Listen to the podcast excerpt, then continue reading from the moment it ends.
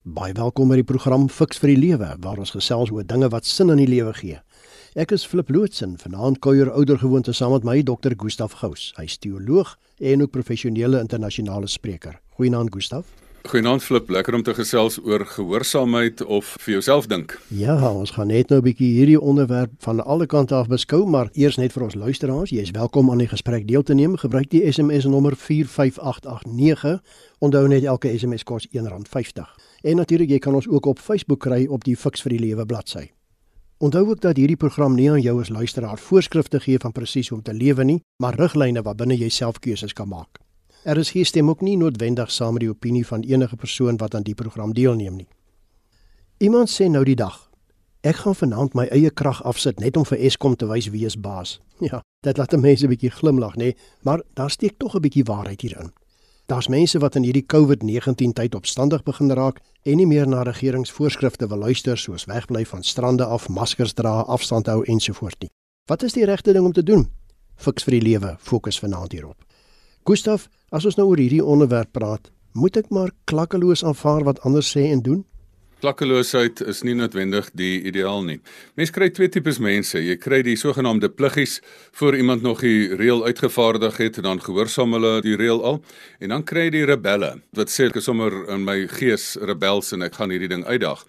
Maar daar's 'n groot groep tussenin. Daar's baie mense wat vir hulle self wil dink en eintlik wil sê maar luister, ek wil 'n reël gehoorsaam as dit 'n redelike reël is.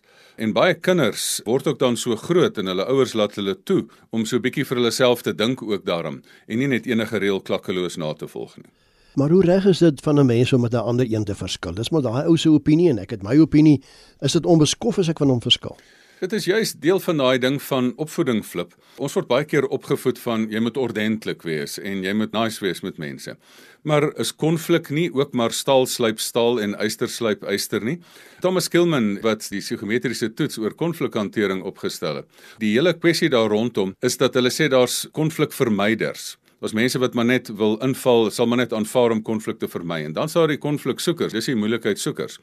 Maar dan staan mense ook wat sê maar daar is kreatiewe konflik in hierdie hele proses.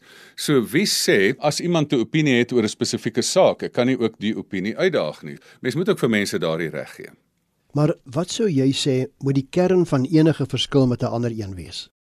Daar's twee tipes. Daar's 'n moetswilligheid en daar is 'n poging om tot 'n gesamentlike beter oplossing te kom. Weet jy daar's baie mense wat van ander mense verskil en die duidelike kern van daardie verskil is dat ek wil daai persoon uithaal. Ek wil daai persoon elimineer. Ek wil daai persoon letterlik, kom ons noem dit nou maar benadeel. So daar is maniere om dat jy van ander mense kan verskil. Maar daar's ook 'n manier wat jy van iemand anders kan verskil wat jy kan sê maar luister, hier het jy 'n onredelike reëling gemaak, maar kom ons kyk of daar nie 'n beter reëling is wat ons saam kan wen nie. Die manier hoe mense verskil is ek wil baie keer verskil en dan wil ek hê die ander persoon moet verloor en ek moet wen. Maar wat van daai manier dat jy nie net saam wen nie, maar dat jy deur gesamentlike koppe bymekaar te sit waarde toevoeg en selfs tot 'n hoër waarheid kom. Want as iemand 'n stelling byvoorbeeld stel en sê dit is nou belangrik om dit so te doen en die pandemie gaan opgelos word deur hierdie regulasie, dan sê man nee, dit gaan nie so werk nie, maar as ons dit dalk so doen, dan kan ons dit dalk op 'n beter manier oplos.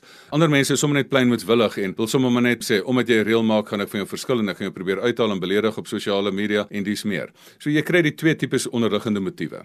Dis daarom baie moeilik om te erken mense is verkeerd, nee Gustaf. en as ek nou dalk verkeerd is in so 'n gesprek met iemand wanneer ek met hom verskil, hoe moet dan gemaak? Uiteraard is die goeie ding om te doen, erken dit nou maar net. Maar omdat dit moeilik kom, weet jy, daar's baie mense wat dan die ander persoon boelie en probeer hardslaan tot hulle erken jy is reg al weet jy jy is verkeerd. Maar daar's ook ander mense wat dit half nie wil erken nie, maar hulle ontken dit, hulle bly maar net stil en hoop die ding gaan weg. So ag ek weet jy, miskien moet ons maar net 'n grootsheid van gees begin ontwikkel en besef luister ek was verkeerd oor 'n ding. Maar dis 'n skaars ding. Hoeveel regerings gaan nou erken dat daai regulasie verkeerd was en hoeveel mense gaan erken dat hulle reaksie op die regulasie dalk nou verkeerd was. So dis ongelukkig so 'n bietjie van 'n skaars vermoë wat jy nie baie raak sien in die wêreld nie. Jy luister na RSG met die program Fix vir die Lewe en ons gesels vanaand oor gehoorsaam of my eie baas wees rakende regeringsvoorskrifte. My gas is Dr. Gustaf Gous. Jy as luisteraar kan gerus ook jou mening oor die onderwerp gee. Gebruik die SMS nommer 45889. Onthou net elke SMS kos R1.50. Jy het nou verwys na die regering, Gustaf. Mag ek van die regering verskil soos nou met al die voorskrifte en die wette wat uitgevaardig is vir altyd in opsigte van die koronapandemie? Flip, natuurlik mag jy van die regering verskil in wat reg en billik is, maar jy moet ook saamstem en eer gee waar eer toe kom, as dit dalk reg is. Kom ons verstaan bietjie die doel van 'n regering. Die doel van 'n regering is eintlik om 'n ruimte te skep waar die burgers van 'n land hulle vryheid kan uitleef. En uiteraard moet jy jou vryheid met verantwoordelikheid uitleef, want jou vryheid mag nie inmeng met ander mense se menseregte nie. So in die wêreld is een van die beste regeringsmetodes 'n demokrasie, maar ek lees hierdie week in die Economist in die internasionale een dat maar net 8 en 'n half persent van die wêreld is regtig onder demokrasie. In 'n demokrasie het jy demokratiese regte. Die regering is daar, maar selfs die regering het nie onbeperkte regte nie. Ons is in 'n konstitusionele demokrasie en die konstitusie regeer heel bo en die regering moet ook heeltyd wys dat dit wat ek doen is nie teen die konstitusie nie. Daarom is daar verskillende maniere om die regering op hok te hou en dit is 'n vrye regbank en 'n vrye pers. So natuurlik mag 'n mens 'n regering uitdaag. Weet jy wat is nou nogal moeilik as 'n mens in 'n staat is waar daar 'n diktator is. Ek bedoel 'n diktator gaan nie oor reg en verkeerd nie, dit gaan oor mag. En as jy waag om te verskil is jy dalk dood. Natuurlik mag jy 'n regering uitdaag, maar jy moet ook maar weet jy moet die konsekwensies moet vat vir jou dade. Maar sê nou maar 'n regering het nie spesifiek die kennis oor 'n spesifieke ding nie. Niks waarborg dat net omdat jy die regering is, dat jy noodwendig reg gaan doen nie. So ons het nog in Suid-Afrika daardie reg in 'n demokrasie om dan het sy protes aan te teken of het sy dit te kritiseer en vryheid van spraak te hê. Maar feit van die saak is jy mag van 'n regering verskil. In 'n demokrasie het jy wettige maniere hoe jy daardie protes kan aanteken en jy mag daarvan gebruik maak. Jy verwys nou daarna die wettige maniere waarop ek van die regering kan verskil. Hoe moet 'n mens aan te werk gaan? Ek voel dalk dat die voorskrifte of die wette nie geregverdig is nie dat indruis teen my grondwetlike regte. As jy so iets voel, dan kan jy jou na die hof wend. So dit het nou onlangs byvoorbeeld gebeur dat een van die regulatoriese liggame in die staat, want onthou die regulatoriese liggame moet seker maak dat dit goed gaan met die mense. Hulle het nie 'n slegte intensie nie, soos by die mediese beheerraad. En daar het 'n burgerregte maatskappy, want onthou 'n demokrasie, wie het die mag? Die burgers, die mense wat stem. Die primêre mag lê in die mense en jy kan ook die regering uitstem en dan so byvoorbeeld oor ivermectin of soos ek dit in Afrikaans nou hoor ivermectin soos party mense dit nou uitspreek is daar dan 'n spesifieke beslissing gemaak dat die burgerregte dan gesê het maar goed ons wil hierdie reg hê dat 'n dokter dit kan voorskryf onder baie spesifieke voorskrifte. So daar is 'n klassieke voorbeeld van hoe 'n reëling gemaak is en hoe dit dan uitgedaag is en daar tot 'n konstruktiewe oplossing gekom het. Vreedsame protes kan jy ook aanteken. Natuurlik is daar ook burgerlike gehoorsaamheid in die Suid-Afrika voor 1994 was opstande, burgerlike ongehoorsaamheid was daar. Vat byvoorbeeld die paswette van jare terug. Mense het gesê, luister, jy's nou die regering, ja, maar hier is 'n paswet en dit beperk ons vryheid. Toe sê hulle nee, ons gaan letterlik na die regerings na die Uniegebou toe stap en die pas verbrand.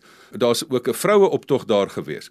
Maar as jy dan burgerlike ongehoorsaamheid doen, dan moet jy weet hulle kan jou arresteer. Hierdie burgerlike ongehoorsaamheid het nou amper begin plaasvind. Die mense het net begin sê luister of jy nou sê ons mag nie op die strande nie, ons gaan nou op die strande wees. En ek dink die regering het byvoorbeeld besef maar hier is ook 'n emosionele opwelling by mense dat ons nie amper ons burgers moet dwing tot burgerlike ongehoorsaamheid nie. Ons moet die reëling verander en redelike rasionele reëlings inpas voor ons die burgers so kwaad maak dat hulle hulle wend tot burgerlike ongehoorsaamheid. En ek dink dit is die hele proses dat in 'n demokratiese staat is daar prosesse om te volg. Daar's een ding wat net wel waar is. In 'n Grendelstaat gee dit vir 'n staat ongelooflike regte. Staat is heeltyd aan hierdie wigte en ewewigte uitgelewer. Maar 'n Grendelstaat gee vir 'n staat regte. En heel in die begin toe Grendelstate ingestel is, was daar baie skrywers reg oor die wêreld wat gesê het: "Oppas, wees versigtig vir die staat want die staat gaan hierdie mag baie geniet." Want onder die Grendelstaat regulasies kan die staat baie keer maar net 'n besluit neem en hoef nie dit deur al die wigte en ewewigte te voer nie. So hulle het baie keer gevra, hoe gaan mense staat kry om nou weer hierdie reg, hierdie mag eintlik terug te gee aan die mense? En ek ry by 'n koerantopskrif vandag verby wat sê, is die Grendelstaat enigsins nog nodig? So ek dink dit is waar mense se gedagtes nou is dat op 'n stadium sal die mag weer terug moet gegee word aan die mense en sê ons moet nou weer teruggaan na die tipiese demokrasie en nie net hierdie uitermate magtige regte wat die staat onder Grendelstaat het nie. Jy het net nou daarna verwys Gustaf. Daar's mense wat uit beginsel daarop staan dat hulle hulle eie basis en hulle nie sal laat voorskryf nie, maak nie saak deur wie nie, veral nie deur die regering nie. Hoe reg of verkeerd is dit? Dit laat my dink aan die ou grappie van die Ier, want die Ire is mos maar baie onafhanklik in hulle denke en baie sterk in hulle uitlewing van hulle emosies en sy boot het gesink en toe spoel hy op 'n strand uit van 'n onbekende eiland en na hy bygekom het toe sê hy waar is hy? Toe sê hulle nee hy's op hierdie eiland. Toe vra hy is hier 'n regering? Toe sê hulle ja. Toe sê hy ek is teen die regering. So jy kry baie mense wat sommer van meets af aan teen die regering is en jy kry maar hierdie normaal verspreidingskurwe. Jy kry maar 'n konformis wat in alles probeer gehoorsaam en dan kry jy 'n non-konformis wat letterlik met alles probeer verskil. En dan tussenin kry jy die gewone mense wat so ergens probeer tussen hulle pad vind en sê dit wat in reg en billik is wil ek gehoorsaam, maar joh, ek wonder daarom oor die ander goeters. Ons sit hier met die polariteit tussen vryheid en klakkelose gehoorsaamheid. Ons sit nou in 'n wêreld wat baie mense die nuwe normaal noem. Maar ek sê altyd die nuwe normaal moet binnekort vervang word dat die nuwe normaal die ou normaal word want hy gaan net vir 'n rukkie werk. Die nuwe normaal moet bevraagteken word een van die grootste dinge is die dra van maskers. Natuurlik is dit wetenskaplik bewys dat as jy nies dan hou 'n masker nou die verspreiding van die druppeltjies terug. Maar mense bevraagteken dit ook en sê luister, het 'n masker nie maar net beperkte waarde nie. Hoekom het baie mense wat hulle selfs toegesluit het en maskers gedra het ook COVID gekry? As maskers genoeg was, sou hulle dan in laboratoriums waar hulle met virusse werk net maskertjies gedra het. Nee, hulle dra hierdie volle liggaamsbedekking. Die nadeel is net as daar wat ek noem paradigma polisie is, wat mense wat dan selfs die denke daaroor polisieer en sê nee, ons gaan jouself sensor dat jy as jy enigsins eers daaroor praat. So daar is mense wat uit beginsel daaruit is om sommer net teen alles te wees. Net soos Jan Spies gesê het jy kry 'n vies mens, dan kry jy sommer net 'n in opstand mens. Nou dit is nie waar dit hier gaan nie. Dit gaan oor hier mense wat probeer vir hulle self dink en dat ons saam 'n kreatiewe pad probeer vind en nie net die regering alleen kan dink nie, die burgers in die land kan ook dink. Daar sommige mense, Gustav, wat beweer dat hulle vryheid ingeperk word in die pandemie tyd en dat vryheid eintlik daarin lê dat ek kan doen en sê wat ek wil. Hulle sê dis nou demokrasie. Waar laat so 'n siening my in my familielewe, in my huwelik, in my werk in die pandemie tydperk? Ja, hierdie ding is al eintlik aangespreek eeue terug. As jy na die Bybel kyk, het jy die Ou Testament met die wet en jy die Nuwe Testament wat eintlik die wet vervul het en vir jou twee algemene beginsels gee. So daar was die klakkelose, jy moet die wet navolg en daar is klomp regulasies. So daar's honderde wette. Maar toe sê hulle nie hierdie wette gaan 'n mens doodmaak, daar's die letter van die wet en die gees van die wet. Die gees van die wet was jy moet jou naaste lief hê soos jouself en jy moet jou Here God lief hê met jou hele hart. En die Nuwe Testament het 'n ander siening oor wettisisme en wette. Daar staan in Galasiërs, julle is tot vryheid geroep. Maar dan is daar 'n klein asterisk met so 'n verklaringkie van wat ons bedoel daarmee. Julle is tot vryheid geroep, moet net nie jou vryheid misbruik om sonde te doen nie. Mense wil waarheid net sê, dit gaan oor vryheid. Nee, dit gaan ook oor verantwoordelikheid. Vryheid met verantwoordelikheid. As jy net die verantwoordelike enetjie is, dan as jy laag op vryheid, as jy net op vryheid dink en jy nie verantwoordelikheid nie, dan is jy laag daarop. Mense, jy moet natuurlik verantwoordelik wees. Jy moet jou medeburgers beskerm. Ek bedoel, daar is baie duidelike regulasies dat ons op 'n punt moet kom dat ons verantwoordelikheid vir mekaar moet aanvaar. En die regulasies is dan ook daarop ingestel. Daar's logika agter hele ding. Maar daar's ook vryheid wat jy kan sê maar hierdie ding is te ver gevat. Ek wil die vryheid hê om hierdie ding ook te kritiseer. Ek het 'n baie belangrike les jare terug by my pa geleer. Nou is ek 'n tiener seun, nou probeer hy my bietjie van my balhoorigheid nou bietjie leer dat ek nou nie vir myself moeilikheid maak in die lewe nie. En een ding wat hy het vir my probeer leer, het hy het gesê, weet jy Gustaf, 'n vis in die water is vry. So natuurlik moet jy vry wees. Jy moet vry toegelaat word. Dit is aaklig om ingeperk te word. Maar as 'n vis sê, luister, ek is so vry dat ek uit die water uit kan spring en daar op die strand kan gaan lê dan gaan jy buite jou verantwoordelikheid kom ons nou sê nou maar raamwerk uit. Want as jy so vry is, dan gaan jy daar op die strand lê en jy gaan doodgaan. Jou eie vryheid se uitlewing gaan jou eie dood kos. So mense moet ook nou nie simpel wees nie. Die hele ding gaan hier oor vryheid met verantwoordelikheid en ek dink die Galasiërs teks is ongelooflik belangrik. Dit is eintlik een van my gunsteling tekste in die wêreld. Daar staan: "Julle is tot vryheid geroep, maar net nie jou vryheid misbruik om sonde te doen nie." Dit is RSG met die program Fix vir die Lewe en ons gesels vanaand oor gehoorsaam of my eie baas wees rakende regeringsvoorskrifte. My gas is Dr. Gustaf Gous. Onthou jy wil deelneem aan die gesprek per SMS. Ons nommer is 45889. Die SMS se kos R1.50. Gustaf, daar is ook diegene wat beweer dat omdat volgens die Bybel in Romeine 13 byvoorbeeld God die regering aangestel het, Christene, hulle moet gehoorsaam. Dis nou die wette en die regering. Anders as jy oneerbiedig teenoor God. Wat nou as die regering verkeerd is? Daar's hoeveel mense in organisasies wat die regering tans hof toeneem omdat hulle met bepaalde wette nie saamstem nie. Wat is jou opinie? Ek het al baie keer gesien as jy die Bybel selektief aanhaal hoe die Bybel misbruik word. Die Bybel moet in sy breë konteks gelees word. Weet jy wat het ek gesien? Onthou, ek het groot geword in die hoogbloei van apartheid daai tyd. En daai tyd het mense nou gesê die apartheid is reg en, en ander mense in die land hoef nie stemreg te hê nie en dis meer. En die kort en lank daarvan is dan as mense dan in protes kom en dan protesoptogte daarteen het en burgerlike ongehoorsaamheid toon dan pluk hulle Romeine 13 uit en sê nee, jy moet die regering van die dag gehoorsaam. Die vraag is nie of jy die regering moet gehoorsaam nie, die vraag of die regering se reëlings in lyn is met wat die Here wil. So dieselfde mense wat daai tyd Romeine 13 aangehaal het en gesê het nee, jy moet die regering gehoorsaam want dit pas my nou, is die mense wat goedgunstiglik van Romeine 13 vergeet en net sê nee, ons moet nou van die regering verskil en wat 'n vreemde regering is dit hierdie en daar so baie irrasionaliteit in die besluite, so ons moet eintlik teen die regering gaan. Dit is my baie keer interessant dat dieselfde mense net wanneer dit hom pas, dan Romeine 13 aanhaal of dan van Romeine 13 gelukkig probeer vergeet. Ek bedoel dit is duidelik. Ek bedoel Here was baie duidelik daaroor. Nou vra die mense moet ek belasting betaal vir 'n regering. Dan vat hy nou daai muntstuk hier dan sê hy nou maar wie se kop is op hierdie muntstuk? Dan sê dis die keiser se kop. Dan sê betaal die keiser wat die keiser toekom en betaal vir God wat God toekom. 'n Regering is gedelegeerde gesag eintlik van God af. Natuurlik moet 'n regering verantwoordelikheid vat wat jy gaan voor God staan en verantwoordelik doen wat se goeie goed jy gedoen het of wat se nonsens jy aangejaag het. Maar op die ou ende is dit gedelegeerde gesag, net soos ouers gedelegeerde gesag is van God wat met kinders grootmaak. En as ouers ouers dit swak doen, dan moet jy oppas. Die Here gaan jou bietjie lekker skeef aankyk. Maar die kort en lank daarvan is, natuurlik moet jy die staat gehoorsaam. Maar daar is natuurlik ook 'n ding dat dit in alles wat reg en billik is. Weet jy Benjamin Franklin het selfs gesê, veral as jy in 'n diktatoriële staat waar mense vir jou nou eintlik vra om dinge te doen wat heeltemal teen jou beginsels is. Hulle sê rebellie teen tiranne is gehoorsaamheid aan God. Interessant, dis Benjamin Franklin wat dit gesê het. So ek dink hier gaan dit daaroor dat daar 'n grys area in die middel is. Natuurlik moet jy die regering gehoorsaam, maar dit moet daarom redelike wette wees. Dit moet nie teen jou beginsels wees of meer dood veroorsaak as wat dit kom nie, want die ou debat is, gaan dit om lewens te red en wat daarvan as jy die arme mense se ekonomie so verbreek dat mense so van honger gaan doodgaan, gaan meer mense nie doodgaan as gevolg van die regulasies as wat mense gaan doodgaan as gevolg van die siekte nie. Selfs die mediese wêreld het daai reëling, die intervensie mag nie meer mense doodmaak as die gevaar wat jy probeer aanspreek nie.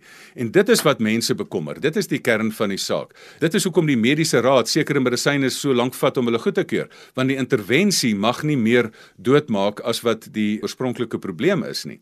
Mense moet ook vir jouself afvra kan 'n regering verkeerd wees? Ja, 'n regering kan verkeerd wees, want almal in 'n regering is nie engele nie.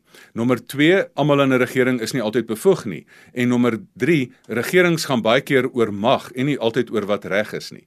Maar mag jy dan 'n regering uitdaag? Ja, natuurlik, maar dan is daar ook die asterisk wat sê, daag 'n regering uit in alles wat reg en billik is, maar moenie sommer net hulle uitdaag net omdat jy nie van hulle hou nie. Hoe groot sou jy sê Gustaf is die gevaar dat wanneer jy jou eie baas wil wees en byvoorbeeld nie die regeringsvoorskrifte in verband met die pandemie wil navolg nie, jy nou nie handel volgens die omstandighede nie, maar volgens jou eie logika en jou eie politieke voor- en afkeure? Natuurlik het 'n mens jou eie logika, maar jy het die logika vir 'n verantwoordelike mens en nie die logika van 'n onverantwoordelike mens. Iemand het nou reg gesê, hulle kan nie net 'n dun streep en vir elkeen toelaat om sy interpretasie te maak nie. Die regering moet baie keer 'n dik streep trek wat dan selfs vir die verantwoordelike mense eintlik dan benadeel. Weet jy, as jy jou eie baas wil wees binne die raamwerk, kan daar mense wees wat dan baie versigtig is of wat die wettige raamwerk tot die uiterste beproef. Maar as jy ook buite die raamwerk wil gaan en hulle doelbewus aanval, dan jy wettige middele om hulle aan te val deur protes, deur kritiek, deur petisies, deur dismeer, deur die hof aan te wend, maar jy kan die regering ook aanvat buite die raamwerk en hulle deur onwettige optrede aanvat. Maar dan moet jy baie mooi versigtig wees. As jy dit op 'n onwettige manier doen, moet jy weet, dan jy gearresteer word. Jare terug het ek dit gesien. Na Guy Fawkes is daar 'n reëling dat om rondom die parlement in Engeland is daar die heining. Niemand geen mens mag aan die heining raak nie. So dit is 'n wet. In Engeland was daar mense wat wou protes aanteken teen die geweld van wapens en kernwapens. Toe ek al verbystap is daar 'n klomp nonne wat hulle met boeye hulle self vasketting aan die heining. Hulle oortree wet. Nou het hulle sulke plakate op non-violence. Hulle het doelbewus 'n wet oortree, wetende dat hulle gearresteer kan word, weet hulle dat hulle die konsekwensies van hulle dade kan vat. Maar die beginsel saak was vir hulle so hoog. So mense het selfs ook daai reg, maar dan moet jy nou maar nie hartseer wees as jy gearresteer gaan word nie. Gustav, net so vanuit 'n ander hoek. Watter voorbeeld stel my negatiewe optrede teenoor regeringsvoorskrifte byvoorbeeld aan my kinders? Die enigste ding wat jy jou kinders moet leer is nie net klakkelose gehoorsaamheid nie. Weet jy jy moet jou kinders baie dinge leer. Jy het hulle 18 jaar in die huis en vir 18 jaar is daar baie lesse wat geleer moet word. As jy jonk is, In ons huis is dit onmiddellike gehoorsaamheid dadelik. Ek bedoel vir 'n jong kind wat nog nie heeltemal vir hulself dink nie. As jy nou sê spring dan jy nou spring want as jy voor die kar moet weghardloop, daar's nie nog tyd om vir jouself te dink nie. Maar wil ek nou hê my ou kindertjies moet nou vir die res van hulle lewe as hulle volwasse so wees, dan gaan hulle mos manipuleerbaar wees. Later in hulle lewe, dit is soos 'n trechter moet jy jou kinders grootmaak. Dan moet jy vir hulle al meer self vir hulle laat dink in wat reg en billik is. En dit maak dat hulle jou dan bevraagteken en jy moet dan nie sensitief wees nie. Ek dink 'n volwasse ouer sal dit dan kan vat. Maar ander dinge wat jy ook vir jou kinders moet leer is hoe om onreg te hanteer. So jy moet vir hulle wys, jy moet vir hulle hierdie fyn balans leer tussen waar is jy gehoorsaam en wat reg en billik is en as daar blaatante onreg teenoor jou gepleeg word, hoe jy dit ook kan hanteer met werklike protes. So gehoorsaamheid is maar een ding wat ek my kinders leer. Daar's 'n hele klomp ander lewenslesse wat ek hulle ook wil leer. En dan ook hopelik in my uitlewing van hoe ek die wette gehoorsaam het al dan nie, het ek dan hopelik ook vir my kinders geleer van jy is tot vryheid geroep, moet net nie jou vryheid misbruik om sonde te doen nie. Kom ons vat saam Gustaf. Watter opsie is die regte een in hierdie pandemie tydperk om my eie baas te wil wees en my nie te steur aan al die inperkings en voorskrifte nie of om dit te gehoorsaam? Eintlik nie een van die twee nie, Flip, want miskien is dit 'n valse teenstelling. Natuurlik het ons reg in 'n demokrasie dat jy die regering wil gehoorsaam, maar dat jy dit wil doen in wat reg en billik is. En natuurlik hou jy jouself die reg voor om vir jouself te dink, maar dink is nog een ding. So jy kan krities dink teen die regering. Dink is nog nie 'n sonde nie, maar wat jy doen kan dan 'n etiese implikasie hê dat jy gearresteer kan word of nie of dat jy regtig die regte ding doen. Wat jy doen moet deurdag wees. Dit moet deurdink wees mense moet ook op 'n stadium kom en sê, luister, weet jy regering is nie perfek nie en hulle probeer ook regtig hulle bes. En as jy nou in daai situasie is, sou jy nou as jy al die goeders in ag geneem het, sou jy tot iets beters gekom het. So, dis ook baie maklik om 'n regering te kritiseer. Jy moet ook maar baie keer eers in die stoel wees dat jy weet hoe moeilik dit is. Baie keer moet ons sekere van die regulasies wat my glad nie pas nie sit ek en ek dink ag weet jy hierdie ding dink ek is nou regtig nie nodig nie maar dis nie 'n beginsel saak nie dis nou nie 'n heuwel om op te sterf nie kom ons kom ooreen om te verskil. Ek dink dit is 'n swak reëling, maar ek sal nou maar ter wille van die goeie noods of die goeie wil sal ek nou maar dit gehoorsaam. Maar as daar 'n beginsel saak kom, dan kan jy opstaan. Daai vryheid is daar maar dan sal ek die konsekwensies moet volg. So die beginsel hier is dat daar sekere goederes is wat jy sê ag weet jy wat, kom ons doen nou maar hierdie regulasies want dit is vir almal se goeie nood daar. Maar daar kan ook beginsels wees waar jy dan opstaan en regtig 'n beginsel saak daarvan maak. Ek dink die kern van die saak is, hê begrip vir die regering. Mense asseblief, dis nie maklik om te regeer, dis maklik om te kritiseer, maar dis nie maklik om te regeer nie. Daar is so baie regulasies wat reg en billik is. En die wat onbillik is, gebruik elke wettige metode kom ons noem dit nou maar in 'n demokrasie om dan die regering uit te daag. Daar's niks fout in 'n demokrasie waar burgers se regte eintlik die mag het, waar dit jy 'n burgerregte saak kan maak en dan hofsaake kan maak en dinge kan uitdaag nie. Hoekom? Nie omdat jy moetswillig is nie, omdat jy tot 'n beter oplossing wil kom. Kom ons dink dat ons nie teen mekaar gaan sommer net ter wille van omdat ons teen enigiets is nie. Kom ons kom kyk dat ons ons krag teen krag teen mekaar gebruik om tot 'n beter oplossing te kom om hierdie baie moeilike situasie in ons geskiedenis te hanteer. Dit dan al 'n vanaand se fiks vir die lewe. Baie dankie dat jy saamgekuier het as luisteraar. Dankie ook aan my gas Dr. Gustaf Gous vir sy bydraes. Gustaf net weer as ons luisteraars met jou wil kommunikeer, hoe maak hulle? Dit is baie lekker want hierdie is tipiese sake van hoe moet jy jou gedra in die lewe en hoe moet jy met wysheid probeer om jou pad te vind in die lewe. Kontak my gerus op my e-posadres gustaf@gustafgous.co.za. Natuurlik asseblief, gaan vat jou selfoon, gaan na die Facebook toe, gaan na die Fix vir die Lewe bladsy toe en gaan like die bladsy en daar sal ek die besonderhede ook herhaal. En my kontakinligting flip by mediafocus.co.za. En onthou dat hierdie program ook op RSG se webwerf onder potgooi beskikbaar is so 'n bietjie later in die week. Tot ons dan weer saam kuier volgende Sondag. Totsiens.